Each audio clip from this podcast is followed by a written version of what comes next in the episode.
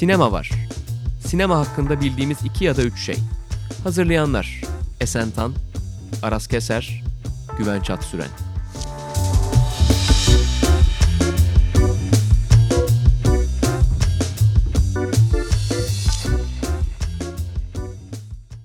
Herkese merhaba. Sokrates Podcast ve Film Lovers işbirliğiyle hazırlanan Sinema Var'da bu hafta zombi filmlerinden bahsedeceğiz. Ee, hem 31 Ekim gelmek üzere Cadılar Bayramı için bir sinema etkinliği düzenleyecek olursanız belki bugün konuşacağımız filmler de size ilham verebilir. O zaman önce konuğumuzu tanıtarak başlayalım. Ee, Türkiye'de biliyorsunuz çok fazla zombi filmi çekilmedi şimdiye kadar. Bir tane e, filmimiz var. Ada Zombilerin Düğünü ve bu haftaki konuğumuz da o filmin yönetmenlerinden bir tanesi Murat Emir Eren aramızda. Bize hem biraz bu kendi sevdiği zombi filmlerinden bahsedecek hem de biraz belki adadaki deneyimlerinden de yola çıkarak bir şeyler anlatır diye umuyoruz. Hoş geldin. Hoş bulduk merhaba. Hoş bulduk. Biraz kendi seçkilerimize geçip kendi sevdiğimiz zombi filmlerine uzun uzun konuşmaya başlamadan önce belki biraz adadan bahsedebiliriz. Çünkü yani hep kendi aramızda da konuşurken bu filmi neredeyse artık Türkiye sinemasının kült eserlerinden bir tanesi olarak sayıyoruz. Ee, yani senin de burada olman vesilesiyle zombi filmlerini konuşuyor olmak bayağı eğlenceli olacak diye devam ediyorum diye düşünüyorum e, bölümün devamında. Neden bir zombi filmi yaptınız acaba Türkiye'de? Buradan başlayabiliriz Hiç sorulmayan belki. bir soru. Ee, Neden zombi filmi diye sormadım en azından cümleyi biraz şey değiştirmeye çalıştım. yani adayı tabii yapalı 10 yıl oldu artık ama e, bugün bile kendimize sorduğumuz bir soruyu bana hatırlattığın için çok teşekkür ediyorum Güvenç. Ee, yani filmi yaptığımızda da şimdi de çok fazla değil ha- hatta hiç zombi filmi yapılmamıştı memleketimizde. Bizim de yani ilk film vartasını atlatmakla ilgili bir de birlikte film yapmakla ilgili bir motivasyonumuz vardı Talip'le. O yüzden e, yani film zombi filmlerini de çok sevdiğimiz için o, o dönemde böyle bir zombi vibe'ı sanki varmış. Çünkü bizden bağımsız ya bizim hiç bilincimiz dışında o sıralarda yapılan ve sonralarda ortaya çıkan bir sürü zombi dizisi, filmi falan da çıktı. İşte çizgi romanlar patladı. Bir zombi salgını gibi bir şey oldu hakikaten o dönem. Bizimki de biraz onlardan biri gibi oldu. Yani onların buradaki bir ayağı gibi oldu. Öyle. Ya şahsen hani filmi şimdiden bugünden baktığımda ya ilk yaptığımız dönem çok böyle kendimizi de gömdüğümüz bir durum vardı. Öyle bir şey söz konusuydu ama bir kült bir yere doğru sanki geldi gibi bilmiyorum. Ya evet bir de hani Türkiye'de dedik ya çok yapılan bir şey değil zombi filmi. Yani öncesinde denemeler var bildiğim kadarıyla. Hı hı. Ee, ama yani ada için adıyla sanıyla bir zombi filmi diyebiliyoruz. Belki e, önceki denemelerden çok az bahsederek yavaş yavaş kendi seçtiğimiz filmlere doğru da yelken açabiliriz. Biz filme başlamadan önce çok ince eleyip sık dokuduk bu konuda. Çünkü afişe şunu yazmakla ilgili bir motivasyon vardı. Yani Türkiye'nin ilk zombi filmi. Hem e, ticari olarak böyle bir motivasyon vardı. Hem de bizim içimizde böyle bir ukde vardı açıkçası. E, onu gönül rahatlığıyla yazabilmek için bayağı bir bakındık. E, 1970 yılında çekilmiş Ölüler Konuşmaz Ki diye bir film var. E, bu filmde bir zombi diyebileceğimiz bir karakter var ama böyle bir hortlak gibi de Evet o biraz hani melez bir e, hayalet gibi de bir çok melez bir şey ve e, zaten zombi filmi tanımını belki birazdan onunla başlarız konuşuruz. Yani işte bir salgın, bir istila hali, e, bir birçok insanın zombiye dönüşmesi vesaire ve türün zaten kalıplarını belirleyen bir takım unsurlar var. Yani bu bu unsurlara uygun bir film bizim sinema tarihimizde yok. Bir tane bir çok komik bir sahne var. Bir Mahmut Tuncer'in bir filminde galiba. E, bir grup işte piknikçi vatandaşın çok fazla içki içip e, güneş altında çok fazla kaldıkları için zombiye dönüştükleri bir sahne. Hangi film ya adını hatırlamıyorum. filmin adını çok özür dilerim ama hatırlamıyorum. Yani epik bir sahne olabilir. Ama Mahmut. Tuncer'in de çok uzun bir sinema kariyeri olmadığını düşünüyorum. O, E, o bulunur evet. bulunur diye düşünüyorum. Oradan, oradan çıkar. Ee, ben sizi böyle bir süre sinsice dinledim ama daha önce konuşmuştuk gene. Çok buna benzer bir e, ortam oluşmuştu. Yine ada ile ilgili bir e, muhabbet açılmıştı ve ben ondan böyle sizi dinledikten sonra e, ben bu arada o filmde çalıştım demiştim. Şimdi gene aynı şeyi dinleyenlere yapmak gibi bir şey oluştu neredeyse ortam oluştu. Şöyle e, benim ilk film set deneyimim aslında Ada Zombilerin düğününde olmuştu. O zamanlar prostetik makyajla ilgileniyordum. Ve e, bir atölyede çalışıyordum Dükkanül Hayal diye. E, Dükkanül Hayal'de sizin filminizin şeylerini yapıyordu Evet, aslında. plastik Prostetik makyajlarını makyajlarını üstlenmişlerdi. Ben de orada ilk asistanlığımı e, almıştım ve ilk yaptığım şey bir zombi maskesi olmuştu. İnanılmaz eğlenceli bir süreç bu arada. Yani bilmiyorum insanlar neden e, hani gore filmleri falan ben çok severim işte korku türünü çok severim falan filan ama o yapım aşamasındaki süreç galiba izlemekten çok daha keyifli oluyor. Çünkü o çok daha başka bir yani herhangi bir film yapmak gibi bir şey değil aslında. Orada çok daha başka bir plastik değerlerle, estetik değerlerle insan ilgileniyor. O şey benim için çok yani filmin prodüksiyon aşamasındaki süreç de benim için çok değerliydi ve çok severek e, hem de ilk deneyimim olduğu için de çok heyecanlanmıştım. Öyle bir şeyim de var, anım da var Ada Zombilerin Düğünü'yle ilgili. Ama sonrasında da işte bu film tabii yapıldı, bitti ve sonrasında işte sinemalarda gösterilmeye başlandı ve işte ilk zombi filmi benim nasıl bir şey olacağına dair hiçbir fikrim yok. Çünkü sadece atölyede kalıp da e, maske dökmüştüm. Yani senaryoyu falan bile bilmeden çalıştım ben o şeyde süreçte. Sonrasında filmi izledim ve aslında komedi unsurlarının olması hiç beklemediğim hani Türkiye'ye dair fazlasıyla referans veren işte o çok hatta gösterilmişti. Yani özellikle hani başka bir ülkeye gönderilse bu film Türkiye'den geldiği çok belli. Türkiye motiflerine dair bir sürü şey söylüyor olması falan filan gibi bir sürü şey konuşulmuştu o zamanlar. Ya ilk defa böyle bir film izledim hayatımda yani. Hem dışarıdan diyebildiğimiz böyle dış başka bir dünyaya ait bir sinema türünün başka bir sinemaya ait bir türün yani Amerikan neredeyse bir şeyi e, konvansiyonunu taşıyan bir sinema e, dilinin Türkiye'deki e, unsurlarla birleşip yeni bir şey yaratması, neredeyse hibrit bir e, durum yaratması ve bir zombi filmi olarak bunu yaratması çok gerçekten ilginç. Bence kült olmasının e, altında yatan unsurlardan bir tanesi de bu. Yani bir zombi filmi olarak işte zaten bir mutant bir e, artık insan olmayan ama ölü de olmayan bir varlığın üzerinden böyle bir hibrit yaratılması da bana kalırsa çok böyle kıymetli ve önemli bir şey. Sadece ada zombilerin düğünü için söylemiyorum ama hani filmin genel olarak yarattığı şey için e, söylenebilecek bir şey diye düşünüyorum. O yüzden tekrar tebrikler. Teşekkürler. Ben Esen'in filmde çalıştığını bu arada e, Film Lovers'ta e, çalışmaya başladığımda öğrendim. E, o yüzden hani kendisine film sürecinde de muhtemelen teşekkür edememişimdir. Bu vesileyle. Çünkü ben o sırada böyle bir apartman dairesinin en alt katında Evet, işte lateksle şey yapıyordum o sırada. Yani görmemişsindir muhtemelen zaten. Yani evet bu Esen'in dediği Türkiye'ye dair bir şeyler söylüyor olması, buralı bir film oluyor olması kısmı bence önemli. Ya bu arada bir yandan da çok komik bir film bence bu arada. Hatta kendi aramızda da böyle bir arkadaşımız anlatmıştı geçenlerde. Böyle bayağı ortaokul, lise öğrencileri filmden sahneleri canlandırıp YouTube'a video falan çekiyorlarmış. Sen de bahsetmiştin bundan. evet evet. e, Ya bayağı böyle hani kulaktan kulağa yayılan bir şehir efsanesine falan doğru gidiyor film aslında. Yani e, burada zaten kendi kendine kült film ilan eden konumuna da düşmek istemem. Yani böyle şeyler Biz diyoruz, Evet, kula- Kürt'te biz diyoruz. böyle şeyler kulağıma geldiği için ben de söyledim. Yoksa hani filmle ilgili iyi kötü böyle bir şey de diyemem. Bence komik. Yani bunu sadece net Yani olarak komik. söyleyebilirim. Komik olduğunu. Ama iyi- iyidir kötüdür o bana düşmez herhalde. Bö- Böyle bir şey ya bir, biraz böyle bu, bu filmle ilgili daha doğrusu adayla konuşurken bugün konuşacağımız konularla ilgili de ben epey bir tabii idman yapmıştım o dönem. O Tabii.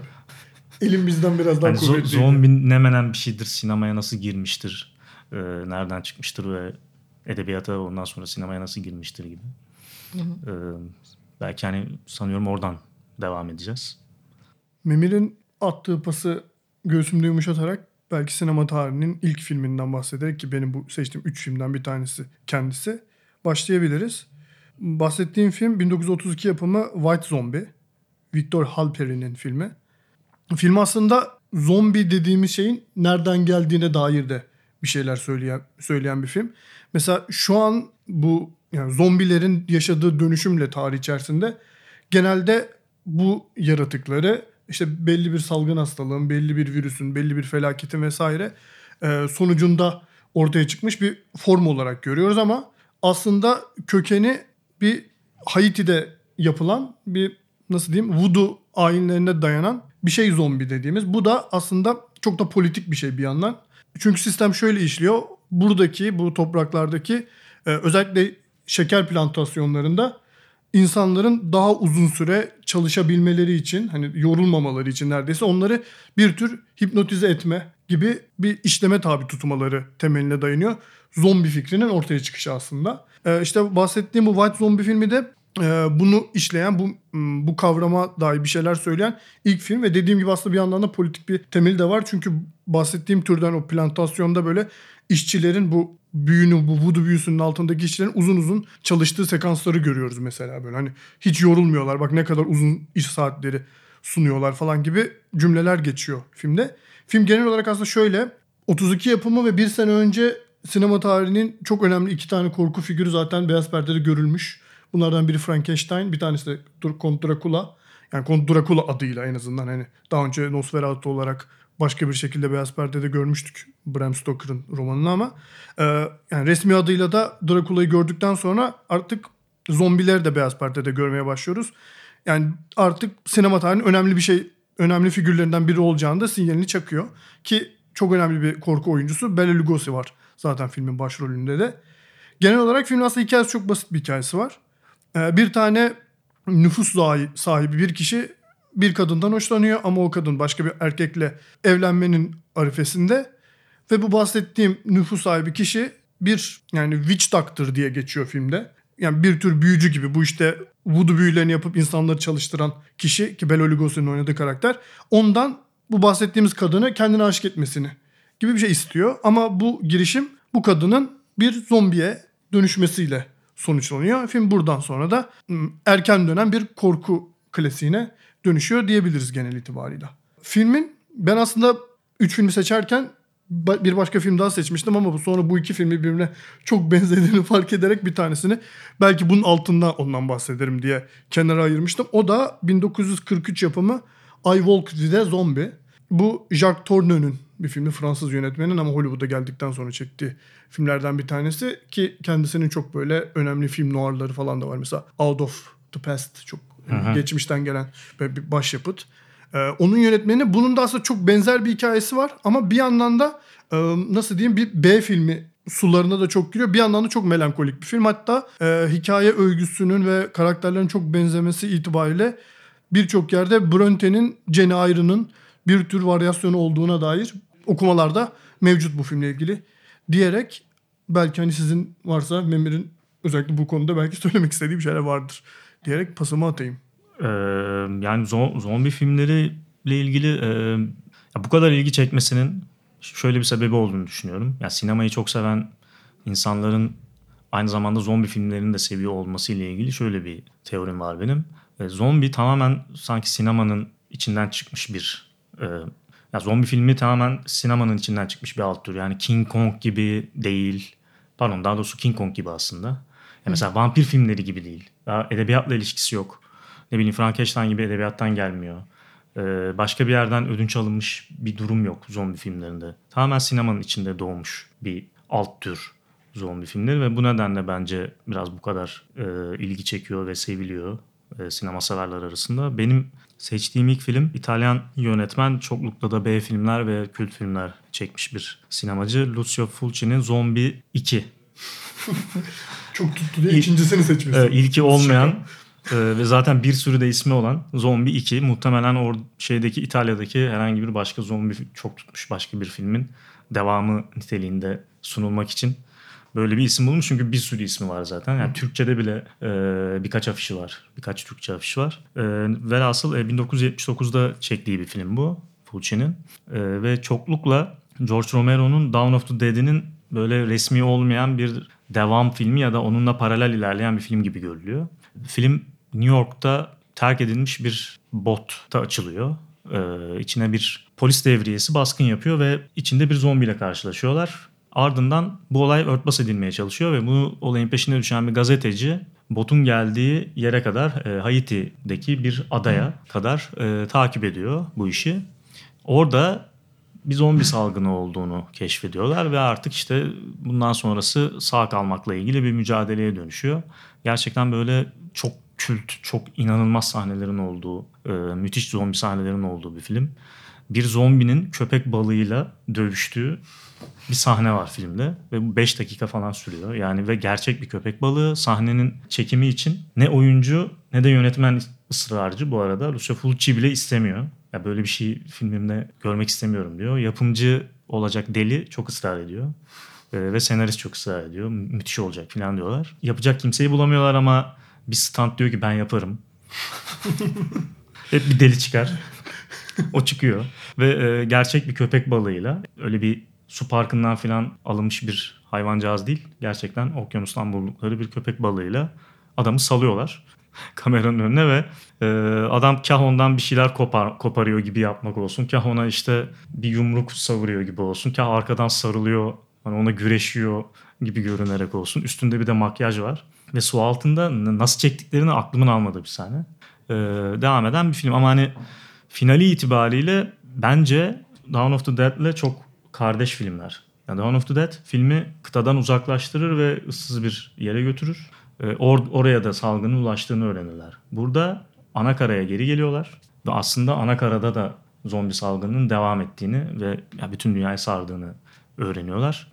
Ee, yine Romero'nunki gibi politik tarafları da olan bir film. İşte örtbas edilmeye çalışılması, hala yani işte zengin üst sınıfın kendi hayatına devam edebileceğini düşünmesi vesaire. Bu açıdan Zombie 2'yi bayağı bir kıymetli buluyorum ki sadece köpek balığı sahnesi değil birkaç tane daha akıl alma sahnesi var. Benim için sinema tarihinin en iyi zombi tasarımının olduğu film olabilir bu. E, finalde çıkan İspanyol misyonerlerden bir tanesi var. İşte mezardan uyanan. inanılmaz bir tasarım var yani. E, bayağı böyle modern sanat eseri gibi bir şey. Biri beni susturmazsa ben bu filmi övmeye devam edeceğim. Belki burada hani bir zombi tasarımını övmüşken Memir, e, zombilerin biraz genel görünümünün dönüşümüne de dair bir şey söyleyebilir. Çünkü e, benim bu bahsettiğim filmlerde zombi imajı şu an hani bu kelime ilk anlamımızda aklımıza gelenden biraz farklı şimdi. Çünkü o zaman hani parçalanmış etler hani yaralı gibi yüzler vesaire gibi şeyler aklımıza geliyor şu an ama ilk dönemde zombi temsilleri dış görünüm olarak sadece yani bildiğimiz insan görünümünde olup böyle bakışları çok boş. Hani yaşayan ölü görünümünde ama yani bir insandan yani tipik bir insandan farkı olmayan zombiler olarak temsil ediliyordu sinemanın ilk dönemlerinde diyerek aklıma gelmişken bunu da söyleyeyim dedim. Evet zaten yani genel olarak zaman içinde o zombi kavramı nasıl evrildi? Ee, Romero'nun filmlerinden bugüne geldiğimizdeki işte Walking Dead'deki zombilerle Romero'nun zombiler arasındaki fark. işte onların hareketlerinin hızı, e, görünüşlerindeki farklılık falan bunların hepsi zaten hani şeyde de okunuyor da neredeyse. İşte modernizmin değişmesiyle birlikte artık daha farklı bir hayat yaşıyor olması insanın ve aslında sömürünün de modelinin değişmesiyle birlikte aslında zombilerin de hali değişiyor. Çünkü aslında en temelde çok politik bir şey var. Senin de az önce anlattığın ilk başta o Haiti'deki ilk o meselenin ortaya çıkmasının nedeni olan şey zaten. Yani işçileri çalıştırırken çok daha uzun bir süreye yayabilmek o çalışma saatini. Yani zaten çok ideolojik, çok politik bir nedeni var bu şeyin. O yüzden de günümüzde de herhangi bir zombi filmi izlerken aslında sadece ne kadar eğlenceli olduğuna bakarak izlemenin dışında çok net bir alt okuma da yapabileceğimiz filmler her biri öyle. Hmm, O yüzden de bilmiyorum belki buradan ben e, Night of the Living Dead'e geçebilirim. Hazır Romero demişken. E, sizin de zaten çok sevdiğiniz ve işte bu ya zombi dendiği zaman ilk akla gelen yönetmenlerden biri olduğu için de belki bahsetmek zorunlu. E, benim ilk izlediğim Romero filmi Night of the Living Dead ve o zaman şey diye izlemiştim. İlk defa işte bir başrolünde siyah bir aktörün oynadığı e, bir film. Hatta korku janrasında bu daha da neredeyse görünmeyen bir şey. Çünkü özellikle korku filmlerinin biraz daha konvansiyonu oluşturan, biraz daha böyle nasıl denir?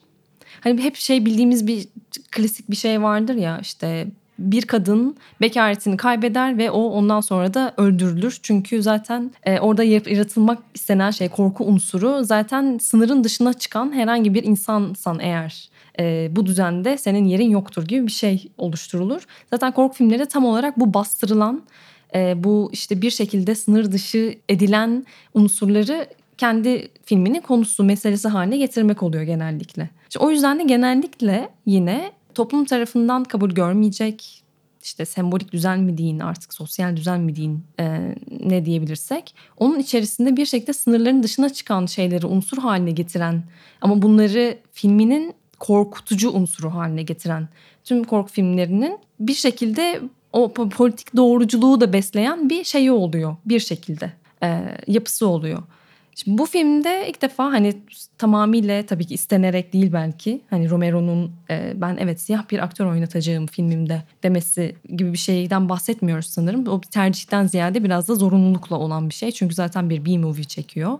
E, ve zaten elinde çok büyük bir kaynak yok, bütçe yok. O yüzden böyle bir şey yapmak zorunda. Bir siyah aktör oynatması biraz o sınırların dışına çıkma durumu. Çünkü ilk defa bizim toplum olarak e, zaten kabul etmek istemeyeceğimiz, zaten ötekileştirdiğimiz bir ırkı filminin ana karakteri haline getiriyor olması zaten çok konuşulan ve o zamanlar ilginç gelen şeydi. Şu anda hiç öyle gelmiyor. Çünkü zaten e, yani o politik doğruculuk kısmını çoktan açtık. E, zaten hiçbir şey politik doğrucu olmadığı için korku filmlerinin de öyle bir şeyi kalmadı neredeyse. Yani bu enteresan bir şey değil artık. Çünkü zaten korku unsuru oluşturması için gereken şey bu değil neredeyse gibi. Ben o yüzden çok ekstra önemli buluyorum. Hani hem politik anlamda hem de Romero'nun filmografisi içerisinde e, bana kalırsa en önemli filmlerden bir tanesi. Belki sizin eklemek istediğiniz şeyler olur. Ben çünkü çok fazla filmin varlığı ile ilgili konuştum. Ya filmin en önemli şeylerden bir tanesi Romero'nun anlatıda ben hiç politik bir şey söylemek istemiyordum Evet. aslında demesi. Ama neredeyse dünyanın hali hazırda o sırada yaşıyor yaşıyor olduğu dönüşüm.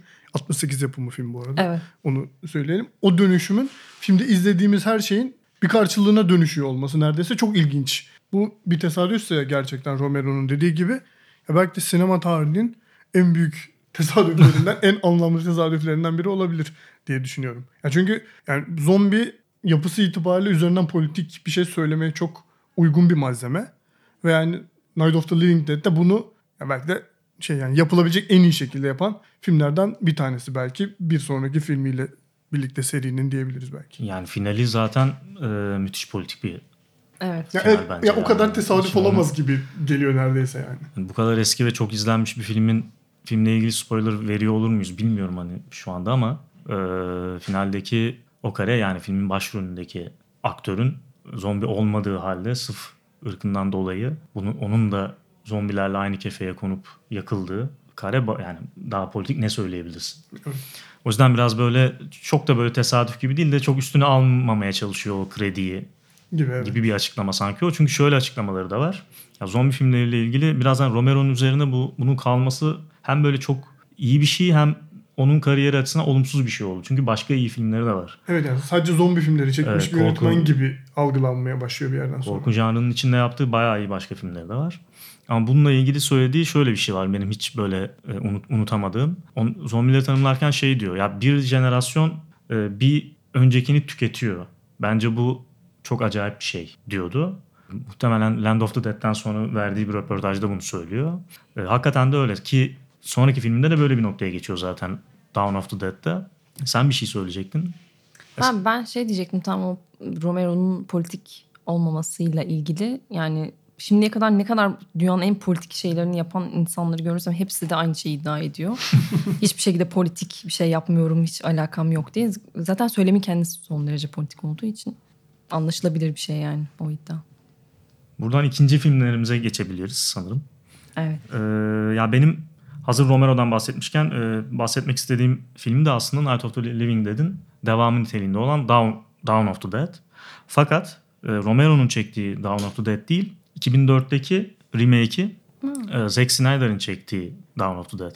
Ki bence e, hem 2004'ten bakıyor olması hasebiyle o filme hem de dönemin politik şartlarından bakıyor olması nedeniyle yani 11 Eylül olmuş, e, birkaç yıl geçmiş, Amerikan politikası tamamen değişmiş. Bir yıl önce e, Irak işgali, ikinci Irak işgali gerçekleşmiş ve yani Orta Doğu'daki bütün e, mesele ters yüz olmuşken e, bu filmi yapması bana çok ilginç gelmişti. Önce hani Dawn of the Dead'i e, mahvedecekler. Bu yeniden çevrim nereden çıktı şimdi falan, filan gibi bir his gelmişti ki daha önce denendi aslında. Daha önce hatta e, zombi makyajlarıyla ünlenen Tom Savini kendisi de çekmek suretiyle bu filmi bir mahvetmişti. bir mahvetmişti. E, Fakat Zack Snyder'in filmi hem iyi yapılmış bir zombi filmi hem Romero'nun sözünün üstüne bir şeyler ekleyen ve onu böyle geliştiren yeni paragraflar ekleyen bir film olarak bence çok dikkat çekici bir film. Hani herkesin bence izlemesi gereken bir film. Bir daha yani burun kıvırmadan aa o mu yapmış falan demeden izlemesi gereken bir film Onlar, sanki. onlardan bir tanesiyim. İzleyeceğim galiba bu sefer. Yani bi- bilhassa Romero'nun altını çizdiği bu işte e, tüketim toplumu, e, zombilerin yani aynı toplumun zombiye dönüşüp kendini tüketmeye başlaması, işte kuyruğunu yiyen yılan gibi e, bununla ilgili kurduğu paraleller çok ilginç bence ve e, bir de filmin başrolünde Sarah Polly var. Onu da çok sevdiğim için. Benim ikinci filmim o oldu. Yani evet Dawn of the Dead yani tam söylemedik. Bu zombi istilası mı diyelim artık onu. Bir alışveriş merkezine taşıyor aslında Evet. genel itibariyle. Dolayısıyla doğrudan e, hali hazırda Amerika'da film 78 yapımı yanlış hatırlamıyorsam orijinali. Hı hı. E, yani dolayısıyla hani bu tüketimin çılgınlığının böyle artık iyice gündelik hayatı domine ettiği dönemlerde Romero bu kez de zombiler üzerinden böyle bir şey böyle bir yoldan bir şey söylemişti. E, Ben Zack Snyder'ın remake'ini izlemedim ve senin de bu konudaki tavsiyeni dinleyeceğimi söyleyebilirim en azından. Evet ben de hatta ilk konuştuğumuzda sen de Romero'nun filmini e, söyleyeceksin diye düşünmüştüm. Evet Ama hatta oradan- öyle de düşünüyordum. Sonra Ha, okey. e, bu, bu filmin sanki daha doğru hem ikisini de beraber konuşabileceğimiz için olacağını düşündüm. Ben ikinci filmden o zaman birazcık bahsedeyim. Bu belki de e, listedeki en popüler filmlerden biri olabilir. Bu dokuzluk listemizde. Danny Boyle'un 2002 yapımı 28 gün sonrası 28 Days Later. E, bu filmi seçmemin nedeni yani benim en azından kişisel anlamda izleme tecrübemden yola çıkarak söylüyorum. Benim en korktuğum zombi filmlerinden bir tanesi olabilir. Ya çünkü genel itibariyle zombiler hani bahsettik ya bu hani bir hipnoz hali üzerinden türetilmiş, türetilmişti ve dolayısıyla çok yavaş hareket ediyorlardı. Tahrip gücü senin fiziksel olarak gücün kuvvetin yerindeyse hani neredeyse kaçabileceğin bir şey. Hani özellikler gösteren yaşayan ölüler bunlar ama Danny Boyle'un filminde ki bunun kesin daha önce örneği vardır. Ben şu bunun üzerinden anlatıyorum bunu şu an. E, Danny Boyle'un filminde Britanya'ya yayılan bir tedavi edilemeyen virüs sebebiyle ortaya çıkan zombiler çok hızlı ve çok öfkeliler. Evet. Dolayısıyla hani birçok yerde jumpscare'e başvuruyor Boyle ama genel olarak o kurduğu tekinsiz atmosferle ya o atmosferin içerisine zombi kavramını bu şekilde yerleştiriyor olması çok enteresan bir Bayağı kombinasyon. oyunu değiştiren film aslında. Evet bayağı game changer denecek bir film 28 gün sonra ki devam filmi 28 hafta sonrayı da ben hiç fena bulmam diyerek belki sizin de bu konuda varsa söylemek istedikleriniz. İşte o hız meselesi hmm, az önce de bahsettiğimiz şey çok ilginç. Yani bir zamanlar kaçılabilecek aslında geri dönüşü olabilecek hani modernizmin bir şekilde getirdiği ki hani senin Memir'in de ilk söylediği sinemanın varlığıyla beraber doğan bir tür. Aslında sinemanın kendisi de modernizmin ürettiği bir aygıt bir oluşum zaten. Ya hepsi aslında sonuç olarak modernizmin bir şekilde insana yaptıkları o üretim tüketim biçiminin e, tamamıyla değişmesiyle ilgili bir süreç. Şimdi bunun da böyle evrilmesi hani modernizmin ilk çağlarında, ilk zamanlarında ya da işte belki postmodernizm öncesindeki ilk kırılmalarda aslında bunların bir şekilde telafi edilebilir olduğu düşünülürken yani bir şekilde o evet bu insanlar tüketimin işte çok büyük bir e, şeyi ne denir mahkumları ama bir şekilde galiba biz bu şeyden kaçabileceğiz. Böyle bir toplum olmaktan kaçabileceğiz ve sonunda hayat var. Galiba 28 gün sonra tam olarak yani galiba artık kaçılabilecek bir durum yok. Biz bu şeyin içine girdik ve bulandık. Bu çamurun içine saplandık ve hani en nihayetinde bu bizi yok edecek ve tüketecek bir şey. Yani bir şey aynen söylüyor. öyle hani Romero'nun dediği hatta yani zombi Haiti folklorundan gelen şey o vudu ayinleri vesaire bir şeyin metaforu olarak okunacaksa yani tüketimin yani dünya düzeninin nereden nereye gittiğine dair bir şey söyleyecekse yani gerçekten 2000'lerin başında yapıl, yapılması gereken film 28 gün sonra. Yani artık çünkü neredeyse her şeyin sonunu gördüğümüz zamanlar. Hani hatta biraz daha şey bu okuma işini bir adım öteye taşırsak yani birkaç yıl sonra da şey olacak yani neredeyse kapitalizmin dibini gördüğümüz işte Amerika'daki emlak krizi patlak verecek falan gibi bir şey. Yani Romero'nun önünü açtığı bir şey belki bu hani doğrudan işte tüketim toplumunun işte 60'larla birlikte gelen dönüşümün e, zombiler üzerinden anlatılması fikri. Yani Danny Boyle'un filmini ben o yüzden çok kıymetli buluyorum. Çünkü artık bunun bittiği yerde yani tüketim toplumunun artık kendini tükettiği yerde yeni bir zombi temsili ortaya çıkmalıydı belki. Ve bunlar neredeyse kaçılamayacak hızda, öfkede şeyler olmalıydı. Artık gibi yani. kaçamıyorsun da. Artık kaçamıyorsun yani her tarafımız bunlarla sarılı ama bir yandan da o bomboş sokaklar hala seninmiş hissiyatı yaratırken bir anda ortaya çıkmalı sahneler falan şimdi konuşurken yeniden gözümün önüne geliyor. yani çok iyi bir yani çok iyi bir fikir bence bu film her şeyden öte ve şey senaristi de Alex Garland belki onu da hafif bir küçük bir parantez açalım. Geçtiğimiz yıldı sanırım. Ee, Natalie Portman'ın başrolünde oynadığı Annihilation'ın Evet, çekmişti. Bayağı o da enteresan bir tür filmiydi. Dolayısıyla hani Alex, Alex Garland'ın da metninin kıymetliliğine buradan bir vurgu yapmış olalım diyorum. Son kertede. Okey. O zaman ben ikinci filmimle devam ediyorum.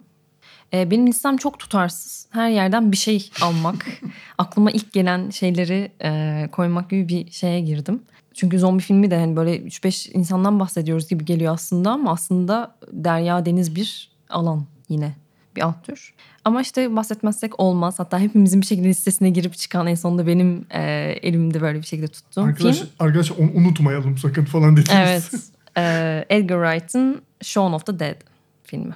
Ee, komedi unsurlarıyla yine bir İngiliz komedisi gibi e, izleyebileceğimiz aslında son derece tatlı. Hiç öyle korku filmi değil galiba bu falan diye e, izlediğimiz bir filmde olabilecekken aslında yine az önce bahsettiğimiz e, zombi varlığının işte kültürel eleştirisi, politik eleştirisi, her şeyi her şeyi içinde barındıran işte bu İngiliz toplumunun aslında böyle hastalığa bilmem ne falan da ihtiyacı yok. Zaten zombi gibi yaşıyoruz diyen bir film. Şahane bir film. Siz de en azından benim kadar e, üzerine konuşmak istiyorsunuz. Şu an böyle e, şey koltuklarınızda falan sallanmaya başladınız. Size söz bırakacağım. E, müthiş bir Ee, film ben çok seviyorum. Evet Shaun of the Dead yani Edgar Wright zaten herhalde yakın dönemin en yetenekli yönetmenlerinden biri İngiliz popüler sinemasının çıkardığı. Tek başına böyle bir misyon üstlenmiş gibi bile olabilir herhalde yani hani ne bileyim İngiltere'den onun gibi filmler yöneten başka birisini ben hatırlamıyorum ki e, transfer da olmadı Hollywood'a kolay kolay gitmedi yani teslim olmadı. Hep e, kendi kültürlerine yakın e, ve kendi popüler kültürlerini bir şekilde böyle deşen işler yapıyor. Biraz böyle Quentin Tarantino'ya da benzetiyorum onun filmlerine, kendi filmlerine yaklaşımını. Çünkü müzikle ilişkisi öyle, popüler kültürle ilişkisi öyle. Aynı şeyi zombi filmlerine de yaptı aslında. Zaten filmin tanıtımında şöyle geçiyor. e, Bir, bir romantik komedi ama zombilerle diye geçiyor. Yani tam öyle hakikaten. İşte Simon Pegg'in başrolünde oynadığı film. Simon Pegg böyle yine hemen her filmde oynadığı gibi kaybeden bir karakteri canlandırıyor. Galiba bir e, tezgahtar mı yoksa bir teslimatçı mı?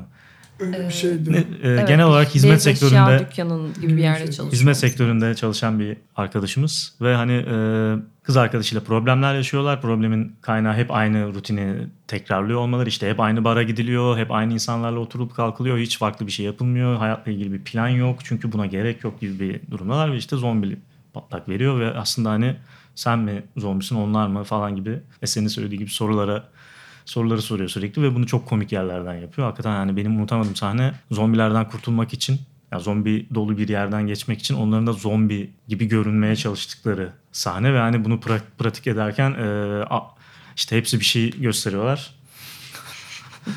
ve sıra annesine geldiğinde şey diyor. Sen böyle dur tamam sen senin hiçbir şey yapmana gerek yok. çok iyi oldu. Çok iyi falan deyip yolluyor. Müthi- müthiş sahneler var gerçekten. Benim de çok beğendim ve hakikaten ada içinde bir- Evet. birçok anlamda ilham aldığımız filmlerden. Yani bir tür parodisi yapılacaksa sinemada sanırım en iyi birkaç örneğinden bir tanesi Shaun of the Dead. Yani bunu yani şunu yapması çok ilginç aslında. Yani bu türün yaptığı politik şeyi o türün parodisini yaparken bambaşka bir seviyeye taşıyabiliyor olması Evet. çok ilginç bir şey. Yani çünkü parodi aslında hani onun içini boşaltıp çok da aslında oradan bir şey üretmeye de gayret etmese de olur bir şey ya. Çünkü asıl çıkış noktası odur. Yani o ele aldığı türün türükleriyle oynayıp getirmek. onu daha oyuncaklı bir hale getirip falan bir hale getir. Yani söylediği söz tabii ki üretebilir ama burada söylemek istediğim şey benim şu. Zaten böyle bir sö- söz üretiyor denilen türün parodisini yaparken o sözleri çok iyi bir mod- şekilde modernize edebiliyor olması çok ilginç buluyorum yani ben bu filmi. Yani belki de ne, ne diyeyim, içinde bulunduğumuz bu yüzyılın 21. yüzyılın en zeki filmlerinden Kesinlikle. bir tanesi olabilir yani.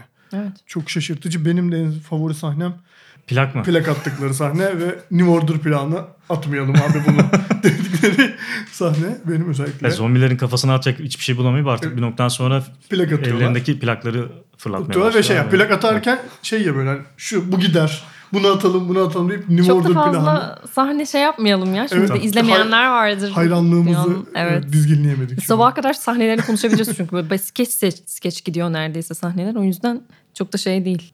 Hal böyleyken o zaman ben üçüncü ve son filmimi söyleyebilirim. Belki ondan bahsedebiliriz. Çağın dönüşümü üzerinden de konuşurken sona kalması da ilginç oldu bence bu filmin. Bahsettiğim film 2008 yapımı Bruce McDonald'ın Kanadalı yönetmenin Türkçe'de öldüren kelimeler olarak gösterilmiş Pontypool isimli filmi. Film aslında genel itibariyle hmm, nasıl diyeyim çok hani bu alt türün temel kurallarını işleten bir zombi işgal, filmi. Zombi istila filmi. Ama bu filmlerde gördüğümüz işte virüs, salgın hastalık, işte yaşayanları zombiye, zombiye dönüştüren şey neyse bu sefer kelimeler. Yani bazı kelimeleri duyan insanlar bir şekilde zombileşiyorlar. Ee, ve filmin ana karakteri de bir radyocu. Böyle Kanada'nın böyle ücra bir kasabasında belki de çok fazla kişinin dinlemediğini düşündüğümüz en azından filmin başlarında bir radyo istasyonunda bir dediğim gibi radyoculuk yapıyor. Ee, ve ister istemez bu kelimeler bir kitlesel iletişim aracı olan radyo vasıtasıyla insanların kulağına gitmeye başlıyor. Yani bu da aslında Romero'nun filmin fikrinden çok uzak bir noktada değil ama bunun güncelleştirilmiş versiyonu gibi diyebiliriz. Çünkü hani ile- iletişim çağındayız hani en beylik cümleyle. Bir şekilde hayatlarımız e, nasıl diyeyim iletişim aygıtlarının kontrolünde. Biz ne düşüneceksek, ne yapacaksak onlar bizi ne kana, hangi kanala doğru güdümlüyorsa biz az ya da çok bunu takip ediyoruz. Pontypool'un da hem bu tüketim nasıl diyeyim tüketim dayatmasının altındaki insanların zombi olarak tasvir edilme fikrini 2000'lerin sonlarına doğru yani 2008'de doğrudan bu virüsün yayılmasını bir kitle iletişim aracıyla yapıyor olmasını ben aslında çok zekice buluyorum. Aslında yani bu filmi seçmemin nedeni bu diyebilirim özetle. Pontypool benim de çok beğendiğim bir, bir film bu arada. Listeye alıp almamakla ilgili de böyle çok bir düşünmüştüm. Üniversitede paslaştık sonra. Bunu ben alayım ya dedim. Yani burada böyle yalan yapmaya gerek yok. Ee, yani şey e, film sanki bugünleri önceden öngörüyor Evet. gibi aslında. Çok ilginç o açıdan. E, çünkü ya biraz böyle artık hepimiz Twitter ve Facebook ve işte Instagram şu bu bunlar yokken nasıl da hayat onu biraz unuttuk ya. E, o yüzden hani biraz onun böyle e, bilincinde değil gibi konuşacağım ama e, sanki 2008 yılından e, bugünleri şu, şu haliyle görmüş gibi. E, nasıl ki sosyal medyada bir bir kelime ya bir, bir şey bir jargon bir şey yayılıyor ve herkesin diline dolanıyor. Herkes sanki onun e, etkisinde bir zombiye dönüşüyor. Bunu tekrar et- ettikçe ettikçe. Çünkü filmde de zombiye şöyle dönüşüyorsun. Bir kelimen var.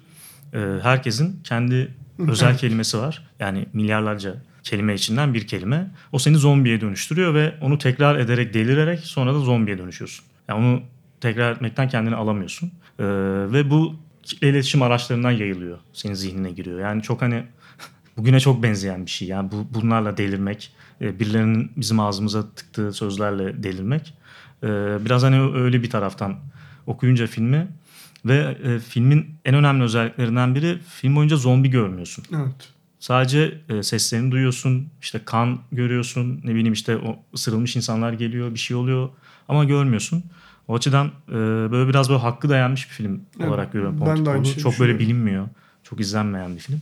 Sizin söyledik ben filmi izlemedim ama hem sizin söylediklerinizden hem de daha önce film üzerine konuşulurken ki e, anladığım çerçeve inanılmaz bir psiko ne denir ona psikanalitik psikanalitik diyecektim İngilizcesini söyleyecektim kusura bakmayın. E, psikanalitik bir e, şeyi var aslında çerçevesi var. Hani hem dil üzerinden bunu yapıyor olması hem tekrarlayarak delirmesi insanların böyle bir tekrara dayalı bir şeyin olması filan. Bir inanılmaz bir psikanalitik e, Yani evet, alt tabanı olan bir şey. Diğer zombi filmlerinin de öyle mutlaka ama e, tekinsizlikle ilgili çok şeyleri var ama bu sizin söylediğiniz doğrudan dönüşümle ilgili ve işte insanların bilmiyorum bir şekilde o psikik dönüşümleriyle ilgili çok e, doğrudan referans veriyor ve görülmemesi yine senin söylediğin gibi o zombilerin gözle görülür böyle meydanda bir karşılaşmayla karşılaşmamamız o film karesinin içinde de onun böyle daha gizli kalması, daha bastırılıyor olması da bir yandan çok şey aşırı ilham verdi. Üzerine makale yazılır. Buradan yazmak isteyen varsa diye. Devam ediyoruz. Son, Son- herkes üç Yok benim filmi üçüncü söyledi mi? oldu. Sizin birer tane daha var. Okey. Ee, istersen sen devam etmemi Olur. ben. Ee, benim üçüncü ve son filmim David Cronenberg'in e, Kuduz Rabbit adlı filmi. Filmle ilgili çok uzun uzadıya bir şey anlatmayacağım ama yani şu kısmı çok önemli benim için. Ya film tam anlamıyla bir zombi istilası filmi aslında değil. Biraz listede farklı bir farklı duran bir film olsun diye de aslında bahsetmek istedim filmden. Ee, 70 no Y- 77 yapım. 77 77 yapımı film. E, filmde filmin en ilginç tarafı şu. Hemen ona giriyorum. Rosie adlı bir ana karakterimiz var. E, bir motosiklet kazası geçiriyor ve hastanede kendisine plastik bir e, plastik cerrahi bir müdahale yapılıyor. Ve bu müdahale sonucunda erkek cinsel uzvuna benzer bir uzuv da oluşuyor vücudunda ve bu bununla kan emme, garip bir kan açlığı çekiyor çıktığında hastaneden. Ee, yani bu, bu bile şu anda zaten politik bir şey ya. Artık Evet. bunu bunun üzerine konuşmak. Belki 77 yılında bunu sadece böyle aa işte ne ne garip bir film. İşte herhalde izlediğimiz o garip korku filmlerinden bir tanesi diye karşıladı insanlar ama hani bugünden bakıldığında böyle döneminin çok ilerisinde bir hani söylemeye korktuğum bir şey ama sanki bir feminist okuma yapılabilir bununla ilgili diye düşünüyorum. Çünkü şöyle bir şey bayağı orada hani karakterle ilgili başka detaylar da var. İşte erkek arkadaşıyla ilişkisinden tutun e, çevresindekilerin ona davranışlarına kadar. Neredeyse yani bir toksik erkeklik e, enjekte ediliyor kadına ve kadın artık on- onun gibi yani onun o kan emici özelliğini eline geçirip bunu herkese yayıyor ve zombi salgını aslında biraz ondan çıkıyor filmdeki. Ya sırf bu hikayesiyle bile bence hani iz- izlemeyen herkesin böyle bu, bu tür meraklısının bir açıp izlemesi gereken Yani o erken filmlerden dönem, biri olduğunu düşünüyorum. evet. erken dönem Cronenberg'in o neresinden baksak bir derya deniz çıkan filmlerinden bir tanesi gerçekten. Evet. Yani bir sürü dediğin gibi bir sürü farklı okumaya açık. Ve ben de evet bu hani toksik ergenlik ergenlik ne toksik o da o da O da toksik toksik. bir şey de O da pis. toksik erkeklik üzerinden ben de evet ilk izlediğimde öyle bir yerden yaklaşmıştım filme.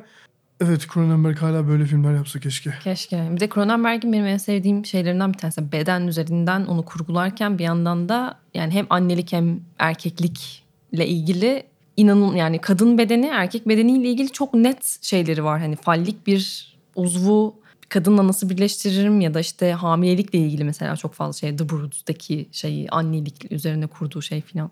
İnanılmaz bir yönetmen bence ve maalesef o eski filmlerini artık göremiyoruz.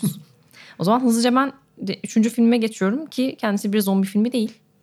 Ama Niye seçtin o zaman? Neyse. İs- işte isminde zombi olduğu için. Yok hayır. Aslında zombi ondan- filmi ya. Tam bir zombi filmi. Yani tam bu konuştuğumuz tüm o politik çerçeve, o bu şu her şeyin birebir görebileceğimiz ama bunların alternatifi gibi çünkü şey gibi değil. Zombi toplumundan bahsetmiyor.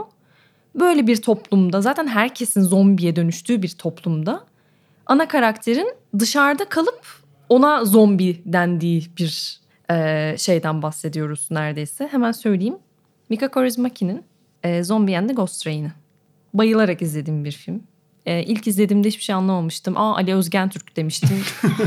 Geçmişti. Filmde Ali Özgen Türk oynuyor. Film İstanbul'da geçiyor çok büyük bir kısmı. E, fakat e, filmin kendisi bir işte Finlandiya yapımı. Aki Kaurismäki'nin abisi sanıyorum değil mi? Abisi, Kardeşi mi abisi abisi. mi? Abisi. Mika Kaurismäki'nin filmi. Müthiş bir film yani zombi filmi olarak değerlendirmek zorunda değiliz. Onun dışında da zaten müthiş bir film ama işte bir tane ana karakterimiz var. Bu ana karakterimiz bir kaybeden. Kaybeden olmanın dışında toplumsal herhangi bir şeyin içinde bulunabilecek bir insan değil. İşte e, Ali Özgen Türk işte dediğim gibi oynuyor filmde. Zaten film o şekilde açılıyor. Bira uzatıyor zombiye al bu senin kahvaltın falan diyor. Falan böyle şey yani tamamıyla bir... E, rocker ve işte zaten bu dünyaya gelmiş ama işte kimsenin ortak zevklerinden zevk alabilecek bir insan değil zaten falan gibi. Ve sonrasında aslında o topluma nasıl ayak uyduramıyor, nasıl o bir şekilde bizim sınırlar koyduğumuz, çerçeveler koyduğumuz ve stabilize ettiğimiz modern hayatın içine nasıl uyum sağlayamıyor ile ilgili çok şahane bir yapısı var filmin. Ve en enteresan şey de zaten o bizim şimdiye kadar bütün bu filmler üzerinden konuştuğumuz toplumsal yapı ve işte zombiye dönüşen sosyal hayat şeyleri, insanları işte herkesin artık böyle uyuşmuş ve sadece çalışmaya odaklı düşünüyor olmasının olmasıyla birlikte oluşan bir sistemin içinde bu insanın bu sisteme ayak uyduramayıp kendisine zombi denmesi e, bana bir şekilde ilginç geliyor. O yüzden bu filmi seçmiştim. Yani bahsettiğimiz tüm filmlere alternatif bir zombi filmi olarak. Yani aslında evet hani ilk anda zombi filmi dediğimizde aklımızda canlanan birçok şeyin olmamasıyla olmaması bunlardan bazılarını barındırmıyor olmasına rağmen e, yine bu filmleri bayağı toplumsal düzlemde konuştuğumuz için ben gayet kıymetli ve yerinde bir seçim olduğunu söyleyerek bu Teşekkür 9'daki en ederim. alternatif seçimi yaptığın için seni tebrik etmek istiyorum. Teşekkür burada. ederim. Burada Dinleyenlerin huzurunda. Herkesin. Evet, ya zombi istilası filmlerinin zaten bir noktadan sonra böyle çok e, artık rutine dönen bir yapısı var ya.